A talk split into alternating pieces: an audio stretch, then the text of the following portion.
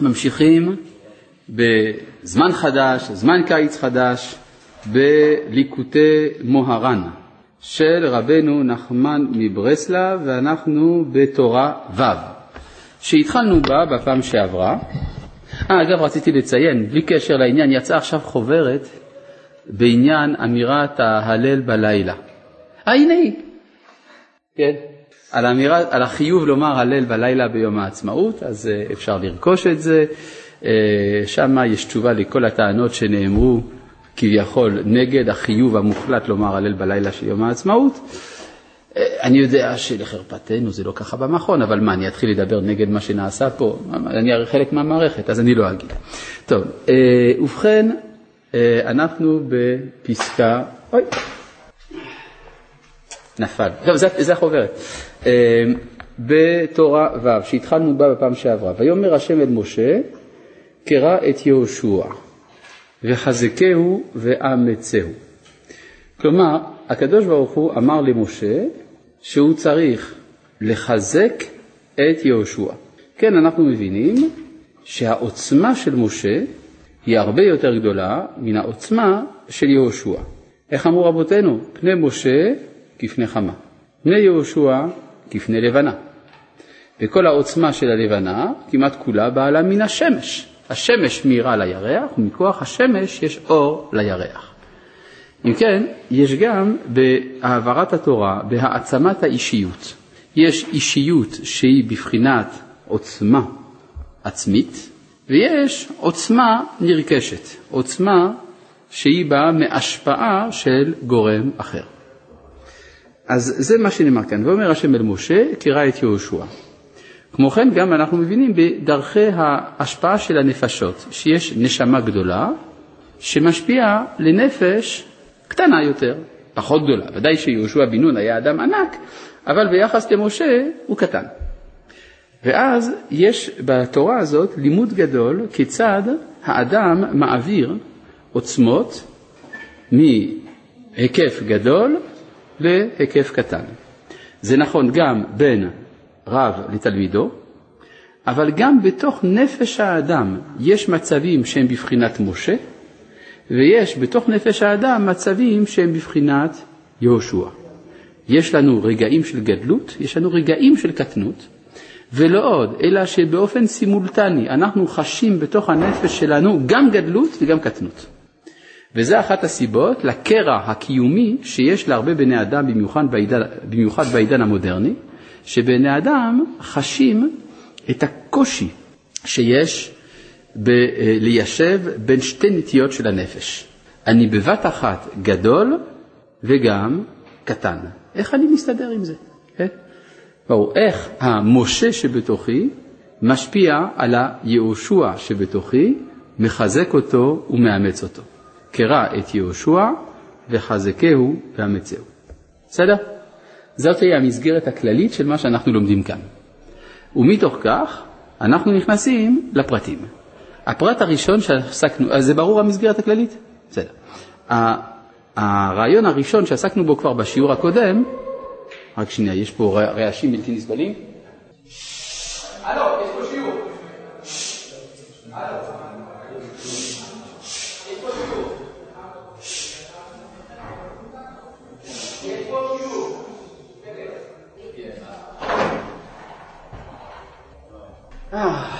הראיתי להם מה זה. טוב, אמ, אז אם כן, מצאנו שיש מה שנקרא שני סוגי כבוד. זה הפרט הראשון שעסקנו בו. מה שנקרא כבוד אלוהים, לעומתו כבוד מלכים. כי צריך, כי צריך כל אדם למעט בכבוד עצמו ולהרבות בכבוד המקום. יש איזה קושי, מידת הכבוד, שהכבוד זה דבר שמצד אחד אומרים שצריך לברוח ממנו, כל הבורח מן הכבוד, מצד שני אומרים כל הבורח מן הכבוד, הכבוד רודף אחריו. אם אני בורח מהכבוד, אז אני לא צריך להיות מרוצה מזה שהכבוד רודף אחריי, נכון? אם אני בורח מהכבוד באמת, אז אני רוצה להיות בזוי. ודווקא אומרים לי, אתה יודע, כשאתה בורח מהכבוד, אתה מקבל מה שאתה לא רצית. איך זה יכול להיות? איך הכבוד רודף אחריו? מובן מה, מה שאני שואל? אותו דבר גם, אם אומרים לי שלרדוף אחרי הכבוד זה מידה רעה, אז מדוע מצווים אותי לכבד אחרים? אומרים לי, אתה צריך לכבד כל אדם. אדרבה, אם אני מכבד אותו, אני מכשיל אותו. כי על ידי הכבוד שאני אתן לו, אז הוא יאהב את זה, ואז הוא ירדוף אחרי הכבוד, אז אולי זה עדיף היה לבזות אנשים, כדי שלא ירדפו אחרי הכבוד. אם כן, יש בכבוד משהו שהוא דואלי, משהו שהוא בזוי, כאשר, והוא כאשר האדם מחפש כבוד עצמו. ויש משהו נעלה כשהוא מחפש כבוד אלוהים. איך האדם מגיע לבקשת כבוד אלוהים? על ידי שקודם כל הוא ממעט בכבוד עצמו. איננו מחפש את כבוד עצמו. כי צריך כל אדם למעט בכבוד עצמו ולהרבות בכבוד המקום, כי מי שרודף אחר הכבוד אינו זוכה לכבוד אלוהים, אלא לכבוד של מלכים, שנאמר בו, כבוד מלכים חקור דבר. מה זה כבוד מלכים חקור דבר? הכבוד שנותנים למלכים הוא כבוד שהחברה האנושית מחליטה להקנות. כלומר, זה מתוך אינטרס של החברה האנושית שנותנים כבוד למלך. ואז ממילא כל מי שזוכה לכבוד כזה, מיד יש מחקר, מגיע לו, לא מגיע לו. כן? והכל חוקרים אחריו, ושואלים מי הוא זה, ואיזה הוא, שחולקים לו הכבוד הזה, וחולקים עליו, ואז דווקא עד כדי כך האדם מתבזה, כי כולם יחלקו עליו, יגידו רגע, רגע, לא מגיע לו הכבוד וכו'. שאומרים שאינו ראוי לכבוד הזה. אבל מי שבורח מן הכבוד שממעט בכבוד עצמו ומרבה בכבוד המקום, אזי הוא זוכה לכבוד אלוהים. ואז אין בני אדם חוקרים על כבודו אם הוא ראוי, אם לאו. ועליו נאמר כבוד אלוהים הסתר דבר, כי אסור לחקור על הכבוד הזה. כלומר, כאשר האדם, הכבוד שהוא חפץ בו זה כבוד שמיים ולא כבוד עצמו, ממילא הוא דבק במדרגה נסתרת, הכבוד האלוהי שקשור לעצמיות האלוהית, וזה נסתר מאוד מעיני בני אדם, ולכן גם אין חוקרים אחרי כבודו. כן. בעצם הרב אין כאן אה, שום דואליות בכבוד. למה אין שום דואליות בכבוד? אה. נכון. נכון, יפה. כלומר, אתה אומר ככה, שבעצם אין פה דואליות, יש פה רק כבוד אלוהים בעצם. זה מה שאתה אומר, נכון? זה ככה נשמע בתחילת התורה הזאת. זה לא כך יהיה נשמע בהמשך של התורה הזאת. כלומר, אחת העבודות הקשות, איך לעשות דבר שהוא לא לשמה, לעשות אותו לשמה. כלומר, פה יש עומק, כלומר, הרי תמיד אומרים, לעולם יעסוק אדם בתורה, אפילו שלא לשמה, שמתוך שלא לשמה בא לשמה. אז ההבנה ההמונית, הלא נכונה היא, קודם כל אדם עובד לא לשמה. אחר כך הוא יתגבר על זה, יעבוד לשמה. ואז יוצא שהעבודה שלו לשמה בעצם היא פסולה. כשמצד העומק של הדברים זה שמתוך שלא לשמה בא לשמה, זאת אומרת שהוא צריך למצוא את הלשמה שיש בה לא לשמה שלו. ברור? כלומר, אה, זה כמו שלמשל אמרו, מלך שמחל על כבודו, אין כבודו מחול. מסכן המלך, הוא לא יכול למחול על כבודו, נכון? אז איך הוא יזכה לכבוד מלך, אה, איך הוא יזכה לכבוד אלוהים? אז הוא כל הזמן צריך להקפיד על כבוד מלכים. הוא יקפיד על כבוד מלכים לשם שמיים. כי הוא יודע שהקדוש ברוך הוא נתן לו את המלכות, ולכן זה מחייב אותו מצד מה שהקדוש ברוך הוא נתן לו, מצד כבוד אלוהים, שיקפיד על כבוד מלכים. אז יש כן דואליות, אבל זה נראה בהמשך. ואז גם לא יחקרו אחריו. זה אה, דומה קצת, אני קצת מקדים את המאוחר כדי שהדברים יהיו ברורים. אתם מכירים, יש אות ב, ב, בעברית שנקראת א', מכירים? זוכרים, נכון? יש אות כזאת, א'. איך כותבים אותה? י' וי' ואלכסון באמצע, נכון? כלומר, יש י' עליונה, יש י' תחתונה. י' עליונה היא אידיאלית, י' תחתונה היא מציאותית. י' עליונה, כבוד אלוהים. י' תחתונה, כבוד מלכים. ויש בין שני הכבודים האלה, יש רקיע. רקיע שמבדיל בין זה לבין זה, ועל ידי שאדם יודע לעשות את ההבחנה בין כבוד אלוהים לכבוד מלכים, אז הוא זוכה בסוף שהיוד העליונה משפיעה על היוד התחתונה. בסדר? כל זה, למה אני אומר לכם את זה? בגלל שרב נחמן אומר את זה בהמשך. אז אני רק מחבר קצת את ההתחלה עם ההמשך כדי שהדברים יהיו ברורים יותר. עד כאן האור? טוב. אז תזכרו תמיד את הציור הזה של האלף, זה יעזור לנו להבין את התורה הזאת. היוד העליונה, מה זה? היא היוד שכתובה למעלה באלף. אז זה, זה אידיאלי, זה כבוד אלוהים לפי זה, נכון? והיוד התחתונה, שהיא היוד המציאותית, היא כבוד מלכים. בבקשה. אבל זה בדיוק מה שאמרנו מקודם. אה, יפה. כן.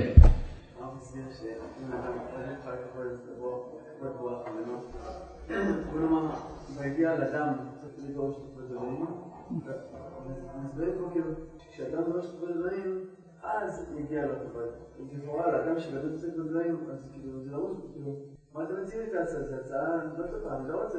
אתה שואל את השאלה ששאלנו בתחילת השיעור, כלומר, אם אומרים שאדם צריך לשאוף לכבוד אלוהים, ועל ידי זה זוכה לכבוד, הרי זה בדיוק מה שהוא לא רוצה. זו השאלה ששאלנו בתחילת השיעור, נכון? אז יפה שאתה חוזר על השאלה של תחילת השיעור, סימן שטוב עשיתי שהבאתי את השאלה הזאת בתחילת השיעור. טוב, ובכן, ואי אפשר, מה? מה אתה רוצה? אה, תראה, כל זה הוא יסביר בהמשך. אני הקדמתי שמה שאני אומר עכשיו על א', הוא אומר את זה בהמשך. אז אין עניין שאני אחזור על זה עוד פעם. כן, אתה יכול לבקש ממני שכל דבר שאני אומר אותו בשיעור, אני אגיד אותו פעמיים. אבל אני לא מתכוון לעשות את זה, כי אני מצפה שכשאני אומר דבר פעם אחת, שכבר יקשיבו. בסדר? טוב, ואי אפשר לזכות לכבוד הזה, אלא על ידי תשובה. אל איזה כבוד? כבוד אלוהים, נכון? רק על ידי תשובה. טוב. מדוע? בגלל שכל זמן שאדם לא עשה תשוב, מה זה לשוב? זה לשוב אל המקור. המקור, הרי אל מי צריך לשוב? ושבת עד, עד השם. לא כתוב ושבת עד מצוות השם אלוהיך, אלא כתוב ושבת עד השם אלוהיך, וממילא ועשית כל מצוותיו. כלומר, התשובה איננה לשוב לקיום המצוות, אלא התשובה היא לשוב אל השם. ומתוך שאדם שב אל השם, הוא גם מתעורר לקיים את המצוות. אבל יוצא לפי זה שהפעולה של התשובה היא ההתחברות לכבוד אלוהים. לכן הוא צודק, רב נחמן. הוא אומר דבר פשוט, אי אפשר לזכות לכבוד הזה אלא על ידי תשובה. ועיקר התשובה, כשישמע ביזיונו, ידום וישתוק. הרי מה עיקר הכוח של האדם? הדיבור. כל זמן שהאדם חפץ בדיבור שלו, אז הוא חפץ בהעצמת עצמו, אז הוא מבקש כבוד עצמו. ברגע שהוא שומע ביזיונו ושותק, שזה דווקא כשהיה לו מה לומר ודווקא הוא לא אומר, וזה הוא מראה שמה שחשוב לו זה כבוד אלוהים ולא כבוד מלכים. כי לית כבוד בלא כף, אין כבוד בלי האות כף, טוב ברור, במילה כבוד יש כף, ביטוי של הזוהר. והכף הוא כתר, כן, המילה כתר מתחילה באות כף, כמו כבוד, אה? כבוד, כתר, כף, אותו דבר. בחינת אהיה בחינת תשובה. כן? כלומר, בתורת הקבלה, המידה נקראת כתר, היא גם נקראת בשם אהיה, א', ה', י', ה'. למה זה נקרא אהיה, בחינת תשובה? כי אהיה דע אנא זמין למהווה, אני מזומן להתהוות, להיות. היינו, קודם התשובה עדיין אין לו הוויה, כאילו עדיין לא נתהווה בעולם, כי טוב לו שלא נברא משנברא. וכשבא לטהר את עצמו ולעשות תשובה, אז הוא בבחינת אהיה. היינו, שיהיה לו הוויה בעולם, היינו ענה זמין למהווה. כלומר, אדם עושה תשובה, זאת ההתחלה של הצדקת קיומו. כל זמן שאני בחטא, אינני ראוי בעצם לקיום. מי אתה בכלל? כן? הרי ריבונו של עולם נתן לך קיום, ואתה משתמש בקיום הזה לרעה, אז אין לך זכות קיום. אבל ברגע שאני עושה תשובה, אז אני בדרך לזכות בקיום. זה מה שנקרא אהיה. יהיה לי הוויה. אנא זמין למהווה. לכן השם האלוהי המורה על התשובה זה השם אהיה. וזה בחינת כתר, כי כתר לשון המתנה. כן, המילה כתר היא לא מילה עברית במקור, היא מילה ארמית, נכון? כן, להביא את ושתי המלכה לפניו בכתר מלכות. אז זה שמה במגילת אה, אסתר יש הרבה מילים בארמית ומילים בפרסית, אז כתר היא מילה זרה בעברית. איך היו אומרים כתר בימי התנ"ך היותר קדומים? עטרה, נזר, נכון? לא היו אומרים כתר, היו אומרים עטרה או נזר. אבל המילה כתר, שמציינת את העטרה ששמים בראש המלכים, מאיפה זה בא? מה הקשר למילה העברית? לשון המתנה, כן? בחינת תשובה. יש פסוק כזה באיוב, קטר לי זעיר וחבקה. כי עוד אלו המילים, כלומר קטר לי זהר, הכוונה המתן לי מעט. כמו שאמרו חז"ל, הבא להיטהר מסייעין לו, משל לאחד שבא לקנות אפרסמון, אומרים לו המתן וכולי. וזה בחינת כתר, כמו שכתוב, כתר לי זהר וחבקה. כן, כתוב אדם רוצה להיכנס לחנות שבה מוכרים כל מיני דברים. אז אם הוא בא לקנות דברים, הוא בא לקנות נפט. אז אומרים לו, טוב, מהר, מה אתה רוצה לקנות? נפט, יאללה, תשלם, תצא. למה? כי הנפט מסריח.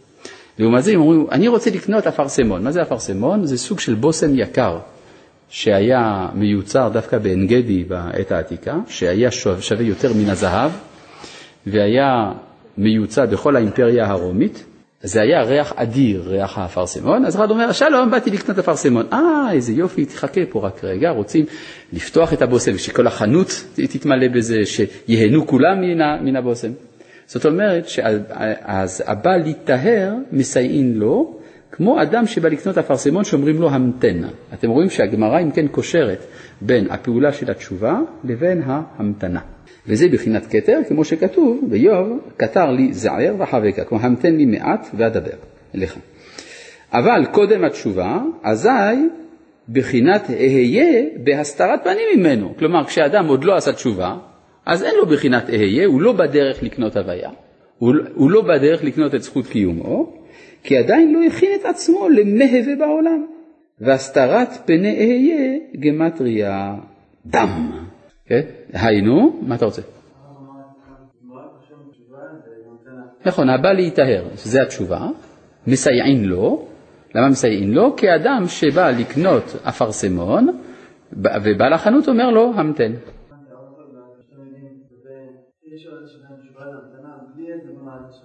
אה, מה הקשר בין התשובה לבין ההמתנה? כן, צריך להבין, מה זה תשובה?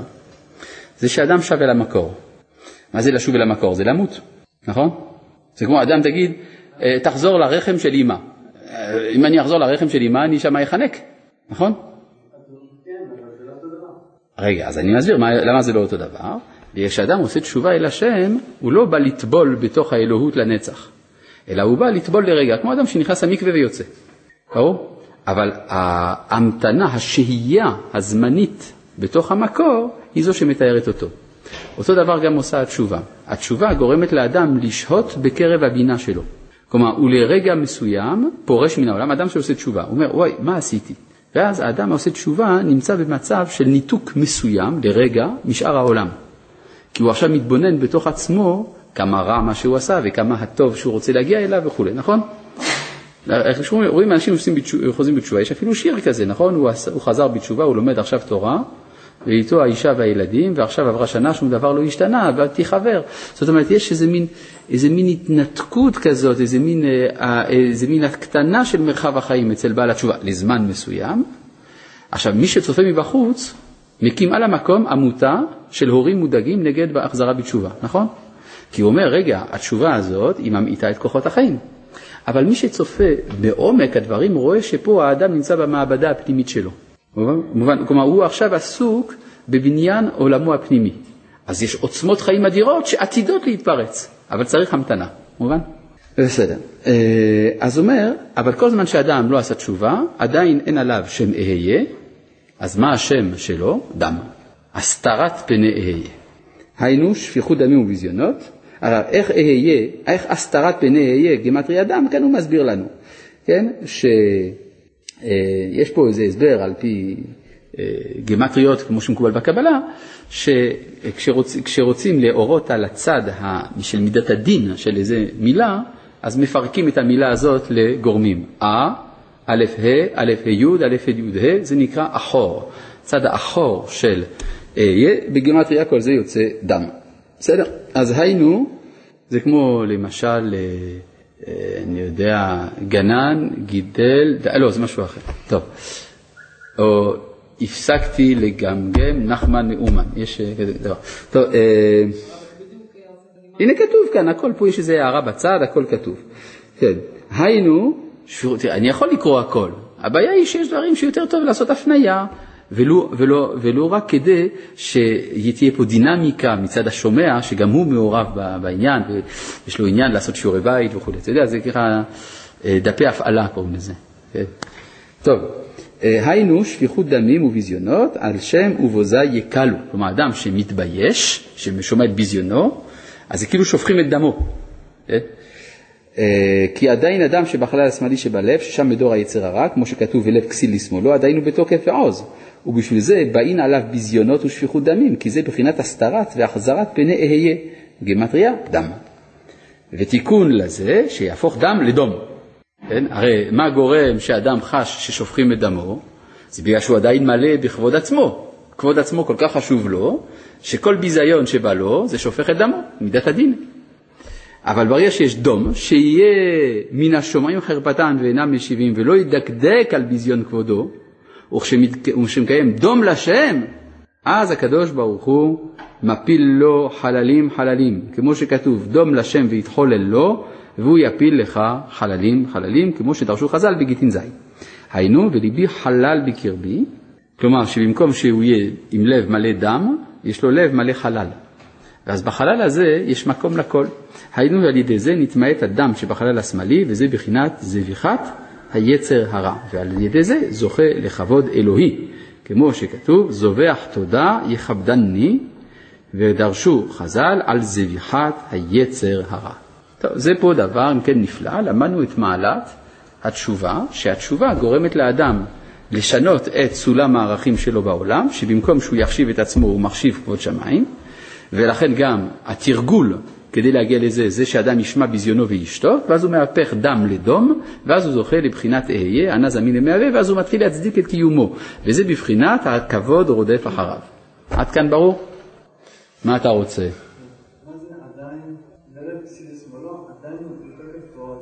כן, כל זמן שיש לה, שאדם לא עשה תשובה, אז יצר הרע חזק יותר. הכוונה. לפקסיל לשמאלו, כן, בבקשה. זה האדם שבחלל השמאלי. אה, זה, זה משלים שלקוחים מהרפואה הישנה. הרי יש, בלב יש שני חללים, כן? חלל ימין, חלל שמאל. עכשיו, הרופאים בימי הביניים, כשהיו מנתחים גופות, היו רואים שבחלל השמאלי יש דם ובחלל הימני יש אוויר. למה זה כך? זה בגלל שכאשר הלב מוציא את הפעימה האחרונה לפני המוות, אז הוא, הוא שופך את כל הדם לתוך החלל השמאלי, ואז החלל הימני מתרוקן. לכן היו משוכנעים, הרופאים בימי הביניים, שאין דם בחלל הימני של הלב. עכשיו, זה לא נכון מבחינה, אה, מבחינה אה, ביולוגית, אבל זה כן נכון, אגב, מבחינה ערכית. ש- גם מבחינה ביולוגית יש משהו בזה שאדם בחלל הימני יש בו הרבה חמצן, ואילו אה, בחלל השמאלי אין בו חמצן, כן? הוא כבר מתפזר בתוך התאים. ולכן גם הצבע של אדם הוא לא אותו צבע. זה ורידים וזה עור- זה עורקים וזה ורידים. אבל חשבו שבעורקים יש רק אוויר. עכשיו, אה, כנגד, אז השתמשו בזה כמשל, רצו להסביר שהחלק השמאלי של הלב זה היצר הרע של האדם. כן, כמו שכתוב בכל לבבך ושני יצריך. יצר טוב ויצר רע, אה, כמו שלכן נקרא האיבר הזה לפעמים לב, לפעמים נקרא לבב. לב כשיש לו לב אחד לאבינו שבשמיים, לבב כשיש- כשאדם חלוק מתוך עצמו. בסדר? אז זה מה שקורה כאן, החלל השמאלי של הלב. המשל הזה גם נמצא בספר התניא, מי שקצת מכיר אה, את הספרות הזאת. טוב. וצריך, הרבה פעמים יש משלים אצל רבותינו שמקורם בספרות שמבחינה מדעית אבד עליה הקלח, אבל זה בכלל לא משנה, אנחנו כאן לומדים מה העקרונות הערכיים שבדבר הזה. וצריך לאחוז תמיד במידת התשובה. כי מי יאמר, זיכיתי ליבי, טהרתי מחטאתי. כי בשעה שאדם אומר חטאתי, עוויתי, פשרתי. לא, זה יפה מאוד, אדם אומר ככה, אז הוא עושה תשובה, נכון? הוא אומר חטאתי, עוויתי, פשעתי. וזהו, אפילו זה אי אפשר לומר בבר לבב בלי פנייה. כלומר, גם התשובה שאני עושה, אינני יודע אם היא תשובה אמיתית. אני קצת, קצת מרמה את עצמי, זה נקרא תשובה של רמייה. בתחילתה, כן, כן, ודאי. ולכן צריך לעשות תשובה לתשובה הזאת. כן? וזהו, מי יאמר זיכיתי ליבי, טהרתי מחטאתי. היינו, מי יוכל לומר שליבו זך וטהור מפניות אפילו בשעה שאומר חטאתי. כן? טהרתי מזה שאני אמרתי חטאתי. וכולי. וזה מי יאמר וכולי, טהרתי מחטאתי, היינו שיהיה טהור מן החטאתי אביתי פשעתי שאמר. כי גם אז אינו זך וטהור בלי פניות כנ"ל. טוב, זה קצת דרוש, בסדר? אבל זה, זה עוזר לנו להבין. מובן? טוב. נמצא שצריך לעשות תשובה על התשובה הראשונה. היינו על חטאתי אביתי פשעתי שאמר. כן? אה, אתה עשית תשובה. אה, כן? איך עשית תשובה? אה, אני אמרתי, חטאתי אביתי פשעתי. תחזור בתשובה על זה. צריך לחזור בתשובה על התשובה. כי עליו נאמר, בשפתיו כיבדוני, כי על ידי תשובה זוכה לכבוד השם, וליבו רחק ממני. כלומר, יש פה, באופן, הייתי אומר, כמעט מפורש, ביקורת על הדתיות. נותן לב, איך שרב נחמן מדבר פה בעצם בצורה מאוד חריפה. אתה עושה תשובה, בוא נראה אותך. אתה עשית תשובה פולחנית. יצאת ידי חובת השולחן ערוך שאמר, צריך להגיד חטאתי אביתי פשעתי. תחזור בתשובה על זה. אבל יכול להיות שאין ברירה, חייבים לעבור קודם כל דרך השלבים האלה. רק צריך לדעת שאחר כך יש שלב יותר עליון, שזה לחזור בתשובה לתשובה. יוצא שכאשר אני עושה את התשובה הראשונה, הבלתי מושלמת, אני עדיין מחפש כבוד מלכים. כשאני עושה את התשובה השנייה, המושלמת, התשובה על התשובה, אני כבר זוכה לכבוד אלוהים. מובן? זה שוב חוזר לשני היהודים שדיברנו עליהם מקודם. התשובה הראשונה הייתה ללא זכות הלב. כלומר, אני עשיתי תשובה פורמלית. אני עושה תשובה, כי, כי יש חובה לעשות תשובה, אבל בסופו של דבר, אני לא עשיתי תשובה אמיתית. כן, זה מיראה וזה מאהבה. מה בין לבין? אז אה, אני לא יודע מה קורה בין זה לזה. כן, אה, כי ידי התשובה זוכה לכבוד השם וליבו רחק ממנו. ואפילו אם יודע אדם בעצמו שעשה תשובה שלמה, אף על פי כן צריך לעשות תשובה על תשובה הראשונה. כי מתחילה כשעשה תשובה עשה לפי השגתו. ואחר כך בוודאי כשעושה תשובה בוודאי הוא מכיר ומשיג יותר את השם יתברך. נמצא לפי השגתו שמשיג עכשיו בוודאי השגתו הראשונה בבחינת גשמיות. נמצא שצריך לעשות תשובה על השגתו הראשונה, על שיתגשם את רוממות אלוהותו. כן, זה הסיפור המפורסם על רבנו סעדיה גאון, דיברנו על זה פעם שעברה, שרבנו סעדיה גאון התארח אצל בעל בית, שלא ידע שזה רבנו סעדיה גאון, אבל הוא כיבד אותו, הוא ראה איזה יהודי מכובד, תלמיד חכם, כיבד אותו. למחרת מישהו בבית הכנסת הכיר שהאורח הזה הוא רבנו סעדיה, ואז בעל הבית ביקש ממנו מחילה. אמר לו, מה הבעיה? אתה הרי כיבדת אותי יפה מאוד. כן, אבל אם הייתי יודע שאתה לא סתם רב, אלא אתה רבנו סעדיה, הייתי מכבד אותך יותר. כי עכשיו אני מכיר אותך יותר, אז אני מתבייש על הכבוד שנתתי לך בהתחלה. אז אומרים שבעקבות הסיפור הזה, רבנו סעדיה גאון התחיל לעשות גלגולי שלג כדי לכפר על עוונותיו הראשונים. אמרו לו, מה קרה? כלומר, עד עכשיו, כשהייתי בחטא ועשיתי תשובה, זה, בגלל, זה היה תשובה לפי הכרתי את, השם אז. והכרתי הייתה בהחלט מצומצמת בגלל החטא, אבל עכשיו שאני חזרתי בתשובה, אני מכיר את הקדוש ברוך הוא יותר, אז אני מבין יותר כמה שחטאתי לפניו בזה שאני עברתי על דבריו, ולכן צריך לעשות תשובה לתשובה הראשונה. כן? אז גם פה אותו רעיון נמצא פה, וזה בחינת עולם הבא, שיהיה כולו שבת, היינו כולו תשובה. כמו שכתוב, ושבת עד השם אלוהיך. כן, יש פה משחק מילים, שבת זה מלשון שבתה, לשוב, ושבת, כמו שבת. כן, אותם אותיות. כי העיקר עולם הבא הוא השגת אלוהותו, כמו שכתוב, וידעו, אותי למקטנם ועד גדולם, נמצא, בכל עת שישיגו השגה יתרה, אזי יעשו תשובה על ההשגה הראשונה. וזהו שאמרו חז"ל, כל הזובח יצרו, היינו בחינת תשובה, בחינת וליבי חלל בקרבי, בחינת דום לשם, בחינת אהיה, בחינת כתר, בחינת כבוד כנ"ל. כן? פשוט, כל זה הרב נחמן מוסיף, כן? כתוב, כל הזובח יצרו ומתוודה עליו, מה זה מתוודה עליו? על מה? על הזביחה הזאת, כלומר, הוא מתוודה על התשובה שעשה. הוא מתוודה עליו, היינו שמתוודה על זביחת יצרו. היינו שעושה תשובה על תשובתו והשגתו הראשונה, כאילו, זה המשך מאמר חז"ל, כאילו כיבדו לקדוש ברוך הוא בשני עולמות. כי תשובה הראשונה בבחינת כבוד העולם הזה, ואחר התשובה שזוכה להשגה יתרה, הוא מכיר ביותר את רוממות אלוהותו ועושה תשובה על תשובתו, זאת התשובה ובחינת כבוד עולם הבא. וזהו שאמרו חז"ל, אז גם זה מובן, כן? פשוט זה הדגמה של הרעיון. כן, בבקשה. נכון? אני לא יודע אם אינסוף, פה הוא מדבר רק על שני שלבים. אפשר לדבר על תשובה אינסופית, אתה צודק, אבל הוא לא מדבר על זה, בסדר? הוא מדבר רק על שני שלבים, וזה חשוב להבין את זה, כי אם אתה תאמר עד אינסוף, אז זה תסכול מתמיד. לא ייתכן שהקדוש ברוך הוא שחפץ בחיים, חפץ שהאדם יהיה בתסכול מתמיד. כן? אז צריך גם שתהיה שאיפה אינסופית, ויחד עם זה מפלסים. כן, בבקשה. כן. וזהו שאמרו חז"ל, אור יקרות וקיפאון, אור שהוא יקר בעולם הזה, יהיה כפוי וקל לעולם הבא. נמצא בעולם הבא, כשיזכו להשגה יתרה בלהותו, בוודאי יתחרטו ויעשו תשובה על השגת עולם הזה. כי השגת עולם הזה, אז אפשר, אגב, כשהוא מדבר פה על העתיד לבוא עולם הבא, הוא גם מתכוון לימות המשיח. זאת אומרת, כל תקופה מתקד, מתקדמת היא בבחינת עולם הבא של התקופה הקודמת לה. אנחנו רואים למשל היום, שבעקבות המהפכה החילונית, התפיסה של היהדות כפי שהיא הייתה בגלותיותה, היראת שמיים שהקטנה, מה שנקרא ב, בלשונו של הרב קוק הפראָסטע פרומקייט, כלומר הדתיות הפשוטה, שפעם הייתה שבח גדול של היראים, הפכה להיות נלעגת לעומת מדרגת ההכרה שצריכה להתפתח באחרית הימים. מובן? כלומר, תכנים של יראת שמיים שהיו פעם מספקים את נפש היהודי המאמין, אותם תכנים נראים קטנים לעומת ההשגה הארץ ישראלית, הנבואית, שצריכה להתחדש. אז זה מה שהוא אומר, לעתיד לבוא, כשיגיעו להשגה יותר גדולה באלוהות, בוודאי יעשו תשובה על תשובת העולם הזה.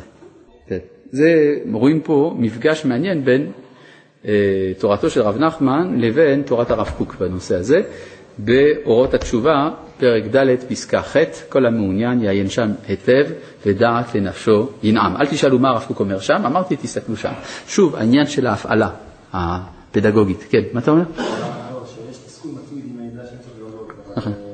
מה כאילו אם אני יודע את הערך עכשיו כאילו צריך לעשות את זה, שאני בעיות מצב חדש, אני יודע שיש ערך במצב הזה.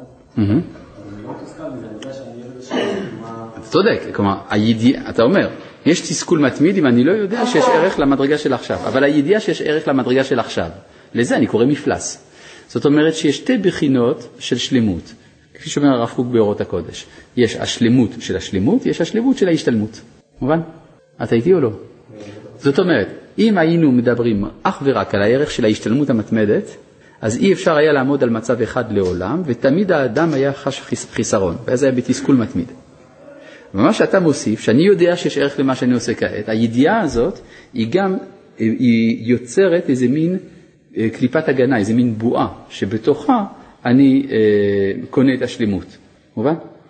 למשל, אדם שנמצא במעי אמו לא חושב איך הוא, איך הוא יתחתן, או איך הוא יגבור את הדוקטורט, הוא לא חושב על זה, כי המשימות מוגדרות לפי ההוויה שבתוכה הוא נמצא, מובן? מה? למה הוא לא כתב את זה? אה, כי זה לא הנושא שלו כעת, פשוט מאוד. כן. כלומר, בכלל, אה, זה עוד דוגמה, אתה רואה? אי אפשר להקיף את כל הנושאים בבת אחת. כן. מה? רגע, כלל גדול בנקוד בידינו, שאנחנו לא עושים השוואות אם הן לא נדרשות. אמנם ההשוואה שלך היא נכונה, אבל אני מסרב להיכנס אליה. למה? כי אני רוצה להתקדם בטקסט של רב נחמן. זה שאני לפעמים מביא מובאה מבצד, זה בסדר, נחמד, אבל העיקר הטקסט. כן, הלאה. כן, מה? כן, כן. קליפת ההגנה זה השלמות. לא, זה השתלמות. בלי קליפת הגנה זה השתלמות. טוב, הלאה. אה, אה, הוא מכיר ביותר, נמצא בעולם הבא כשיזכו להשגה יתרה בלהותו, בוודאי יתחרטו ויעשו תשובה להשגת עולם הזה, כי השגת עולם הזה בבחינת גשם נגד, כלומר לעומת השגת עולם הבא. וזה כאילו כיבדו על הקדוש ברוך הוא בשני עולמות. זה כיבדו על הקדוש ברוך הוא, אתם מכירים פה את הפועל כבוד, כאילו שיש שני כבוד, יש כבוד של העולם הזה, כבוד של העולם הבא. כבוד של העולם הזה הוא בבחינת כבוד מלכים, כבוד של העולם הבא בבחינת כבוד אלוהים. אה, כי זביחת היצר היא תשובה ראשונה, ובבחינת כבוד עולם הזה, והווידוי על זביחת היצר, היינו תשובה שנייה, ובבחינת כבוד עולם הבא. שהכבוד הראשון נעשה כפוי וקל נגד הכבוד השני, וזהו שאומר הקדוש ברוך הוא, אלה עשית והחרשתי, דימית היות אהיה כמוך. פסוק בתהילים, נכון? אלה עשית והחרשתי, דימית היות אהיה כמוך, הוכיחך וערך לעיניך. אז הוא מסביר כך. כי האדם על ידי שמחריש, כן, אלה עשית והחרשתי, כלומר שתיקה, דום לשם, נעשה, כלומר על ידי שהוא מוותר על כבודו, נעשה בבחינת אהיה, אהיה, אז אני חושב על הפסוק, אלה עשית והחרשתי, דימית היות אהיה. אבל הקדוש ברוך הוא, מה שמחריש לאדם, אין זה בשביל אהיה חס ושלום. כלומר, הקדוש ברוך הוא גם כן שותק, אבל הקדוש ברוך הוא צריך לקנות מידה של התהוות. הרי ריבונו של עולם, הווייתו היא הוויה מוחלטת, הוויה נצחית, אז הוא לא זקוק להתהוות. אז למה הקדוש ברוך הוא שותק? זה שאני שותק, כי אני על ידי כך קונה מדרגה יותר עליונה. אבל ריבונו של עולם, בשביל מה לא לשתוק? הוא לא קונה מדרגה יותר עליונה, חלילה. כן? כי, אין זה, כי זה אין שייך אצל הקדוש ברוך הוא, אלא זה אין זה אלא כדי שיקבלו עונשם בעולם הבא, שאז מסדרים לעיניו עוונותיו, והוא יוכ- והוא יוכיח אותו על פניו. כלומר, אצל הקדוש ברוך הוא השיקול של השתיקה הוא שונה מהשיקול של השתיקה של האדם, אלא הוא עושה את זה כדי לשמור את זה לעתיד לבוא. וזה הוכיחך וערך לעיניך. וכשרוצה אדם ללך בדרכי התשובה, עכשיו פה, עד עכשיו זה היו דברים פשוטים. עכשיו נכנסים פה קצת יותר לעומק. וכשרוצה אדם ללך בדרכי התשובה, צריך להיות בקי בהלכה, וצריך להיות לו שני בקיאות. היינו, בקי ברצו, בקי בשוב. זה בערך סינית מה שכתוב כאן, נכון? מה זאת אומרת, אדם צריך להיות, כדי לעשות תשובה, הוא צריך להיות בקי בהלכה, בקי ברצו, בקי בשוב. במובן, נכון? טוב, אז בואו נבין את זה לעומק יותר. קודם כל, אדם רוצה לעשות תשובה, כלומר שהוא רוצה לעשות רצון השם. איפה רצון השם? יש מצוות, איך תדע מהן המצוות? יש הלכה. זה נורא פשוט. צריך להיות בקי בהלכה. אבל יש פה, למה המצוות נקראות הלכה? מלשון? הולך, הליכה. כלומר, אדם צריך לדעת איך הולכים. כלומר, יש איזו הכרה פנימית, איך הולכים להיות כנגד השם, נגד השם יתברך. ו...